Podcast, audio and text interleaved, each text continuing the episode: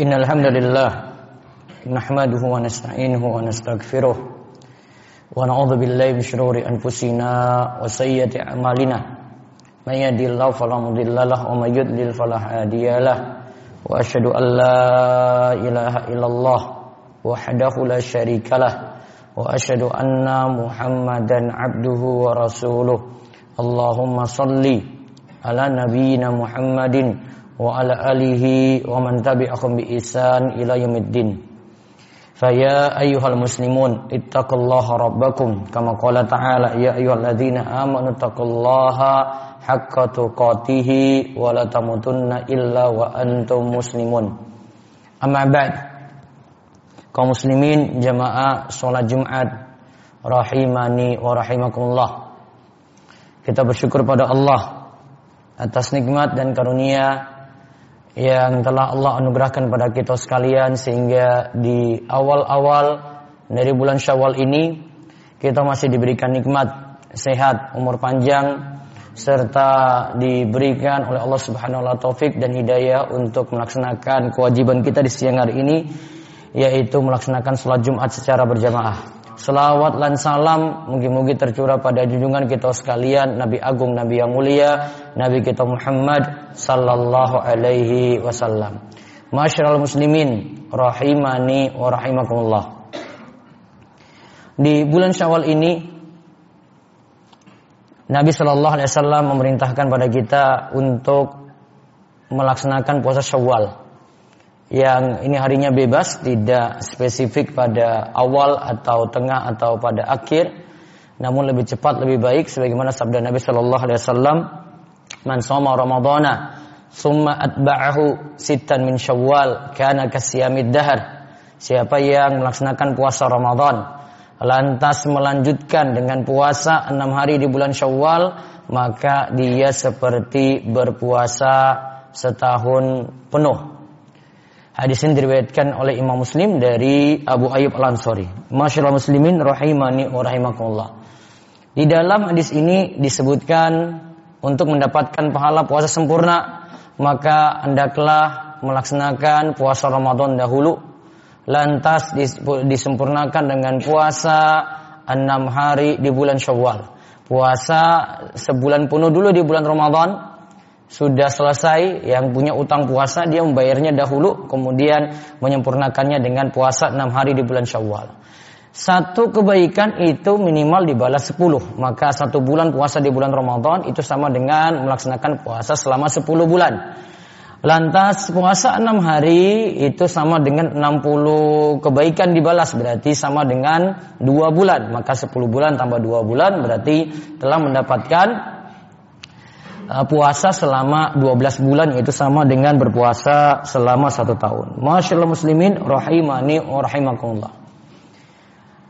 Dan para ulama katakan kalau ada kesempatan untuk membayar utang puasa dahulu, nyaur dulu, maka tugas kita adalah membayar utang puasa lebih dahulu baru kemudian melaksanakan puasa Syawal.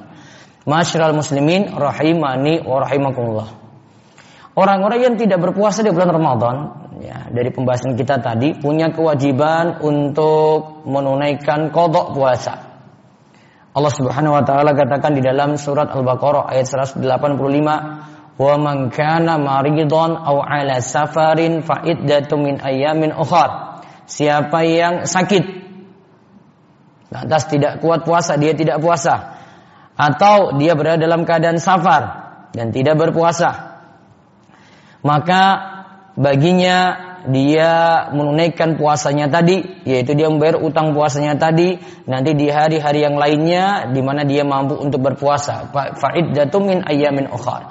Maka hendaklah dia membayar utang puasanya itu di hari-hari yang lainnya semampu dia. Masyarakat muslimin rahimani wa rahimakumullah. Para ulama katakan utang puasa ini dibayar. Mulai dari Syawal ini, bulan Syawal ini dan sampai mendekati bulan Ramadan. Ketika sudah masuki bulan Ramadan sebelumnya uh, bulan Ramadan setelah itu yaitu bulan Ramadan berikutnya maka baiknya utang puasa ini dibayar selama seseorang itu mampu untuk menunaikannya. Tidak ada uzur maka bayar lebih cepat lebih baik. Batasannya adalah sampai Ramadan berikutnya. Sehingga Aisyah radhiyallahu anha dia masih sempat membayar utang puasa Ramadan di bulan Sya'ban. Sebulan sebelum bulan Ramadan. Ya, karena beliau yaitu Aisyah radhiyallahu anha sibuk mengurus Nabi kita Muhammad sallallahu alaihi wasallam. Masyarakat muslimin rahimani wa rahimakumullah. Bagian tidak ada uzur. Maka sudah semestinya untuk membayarnya dengan segera. Jika sampai Ramadan berikut dia tidak membayar utang puasa ini, ya namanya utang, maka pertama dia melakukan kesalahan, dicatat dia itu berdosa karena menunda-nunda. Kemudian yang kedua, kodok puasanya tetap dibayarkan. Kodok puasanya tetap dibayarkan. Kemudian yang ketiga dia mesti menunaikan fidyah sebagai denda karena takhir, karena penundaan. Dia mesti membayar denda karena takhir, karena penundaan. Masyaallah muslimin rahimahni wa rahimakumullah. Ini konsekuensi bagi kita yang sudah semestinya bayar utang puasa segera mungkin namun telat dan tidak ada uzur ketika itu. Maka sampai Ramadan berikutnya tidak bayar, misalnya ada utang tujuh hari puasa, maka punya kewajiban untuk kodok tujuh hari, kemudian ditambahkan dengan fidyah tujuh mud. Karena satu hari tidak puasa, fidyahnya itu adalah satu mud, yaitu sekitar enam ons beras. Maka kalau tujuh hari berarti nanti dibayarkan tujuh mud dan dikalikan enam ons berarti menjadi 4,2 kilogram. Masyarul muslimin rahimani wa rahimakumullah. Aturannya untuk puasa kodok ini bebas harinya. Mau milih hari apa pun boleh. Kemudian yang jelas lebih cepat lebih baik untuk dibayarkan. Kemudian kodok puasa ini bisa dilakukan berturut-turut ya atau dia melakukannya bebas harinya mungkin memilih dengan cara berpuasa memilih pada hari Senin terus hari Kamis ya atau dia memilih dengan cara puasa Daud sehari puasa sehari tidak namun niatannya kodok puasa atau bisa juga memilih menggabungkan puasa syawal dengan puasa kodok.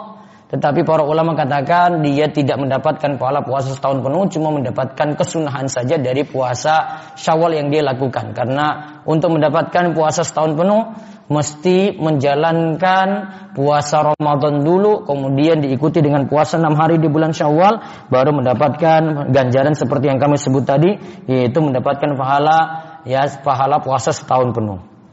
Masyaallah muslimin rahimani wa rahimakumullah. Ini kaitannya dengan utang yang kita tunaikan kepada Allah yaitu berupa utang puasa. Maka kalau ada utang seperti ini termasuk juga kalau ada yang punya utang nazar berupa puasa atau utang kafarat berupa puasa maka wajib untuk ditunaikan. Sedangkan kalau kita punya utang sesama manusia, nah ini urusan yang berbeda lagi.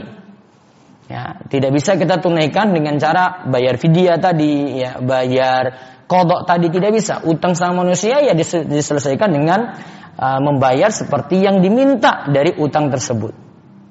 Karena siapa yang punya utang maka dia punya kewajiban untuk membayarnya. Dan ancamannya yang Nabi Shallallahu Alaihi Wasallam sebutkan orang yang enggan bayar utang, dia mati dalam keadaan masih membawa utang, maka kebaikannya itu nanti sebagai gantinya. Kebaikannya dipakai untuk mengganti utang-utang yang ada tadi. Man mata wa alai dinar au dirham kudiya min hasanatihi laisa samma dinarun wala dirhamun. Siapa saja yang meninggal dunia lantas meninggalkan utang, dia memiliki utang berupa satu dinar atau satu dirham, ya maka nanti akan dilunasi dari kebaikan-kebaikannya karena nanti di akhirat tidak ada lagi dirham, tidak ada lagi dirham, tidak ada lagi dinar, tidak ada lagi dirham. Maka tidak ada uang, maka kebaikan-kebaikan yang kita pakai untuk melunasi utang-utang kita.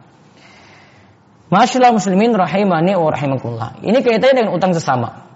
Makanya Nabi SAW juga katakan nafsul mu'min mu'allaqatun bidaini hatta yuqda anhu. Jiwa seorang mukmin itu bergantung dengan utangnya sampai utang tersebut itu lunas. Artinya kalau utang tersebut belum lunas, ya keadaannya belum selamat. Sampai dia menunaikan utang-utangnya tadi. Apalagi dia punya kelonggaran harta, kelonggaran uang untuk melunasi utang-utang tersebut. Dan kalau ada yang berutang, sejak dia berutang dia berniat tidak mau melunasi utangnya tadi, maka dicatat dia sebagai seorang pencuri. Sebagaimana sabda Nabi Shallallahu Alaihi Wasallam, "Ayuma rojulin yadayyanu dainan wa huwa mujmi'un alla yuwafiyahu iyyahu laqiyallaha sarikan." Siapa saja yang berutang lalu berniat tidak mau melunasinya. Siapa saja yang berutang lalu berniat tidak mau melunasinya, maka dia akan bertemu Allah pada hari kiamat dalam status sebagai seorang pencuri. Imam Al-Munawi mengatakan orang seperti ini akan dikumpulkan bersama golongan pencuri dan akan diberi balasan sebagaimana keadaan mereka. Dan juga Imam Ibnu Majah membawakan hadis tadi dalam bab barang siapa berutang dan berniat tidak ingin melunasi utangnya. Ini berarti untuk orang-orang yang sudah sedari awal berutang tapi tidak ingin kembalikan. Maka dia statusnya sebagai seorang pencuri. Namun beda halnya dengan orang yang berutang. Lantas dia tidak punya kemampuan sama sekali. Karena memang dia kesusahan ekonomi. Dia orang miskin. Dia orang yang tidak mampu. Maka dia tidak dikenakan seperti tadi. Yang jelas ya tidak boleh orang itu uh, menunda-nunda utang ya kepada orang lain untuk melunasinya. Sedangkan dia mampu untuk melunasi. Karena ini termasuk kezoliman. Matul ghani zulmun. Menunda-nunda bayar utang itu kezoliman. Matlul ghani zulmun. Menunda-nunda lunasi utang. Apalagi yang nagih sedang dalam keadaan butuh. Dan yang meminjam punya uang namun gak mau nyaur. Maka termasuk orang zalim. Dan ini tidak tidak baik dalam hal melunasi utang. Dan rata-rata orang yang meminjam uang seperti itu, dia merasa uang yang telah dipinjamkan itu milik dia.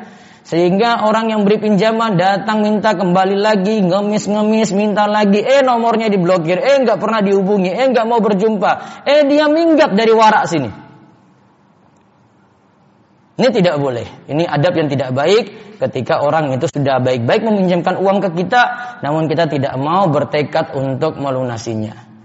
Kesimpulannya, ada dua hal utang tadi yang dibahas. Setelah kita bahas tentang puasa Syawal, bagi yang punya utang puasa punya kemampuan untuk nyaur, mungkin ketika puasa dia sakit atau mungkin ada di antara istri kita yang mengalami haid ya, atau nifas, maka segera untuk melunasi utang puasa tersebut.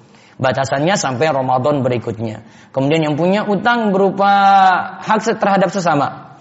Jangan menunda-nunda untuk melunasinya, segera bayar lebih baik apalagi orang yang meminjamkan uang pada kita itu dalam keadaan butuh dan kita mampu untuk melunasinya. Dan biar kita terlepas dari sifat apa? Sifat kezoliman. Karena sabda Nabi SAW tadi matlul ghani zulmun menunda-nunda bayar utang sedangkan mampu itu adalah suatu kezoliman. Aku lupa lihada wastaghfirullah li wa lakum muslimin. Innahu was-sami'ul alim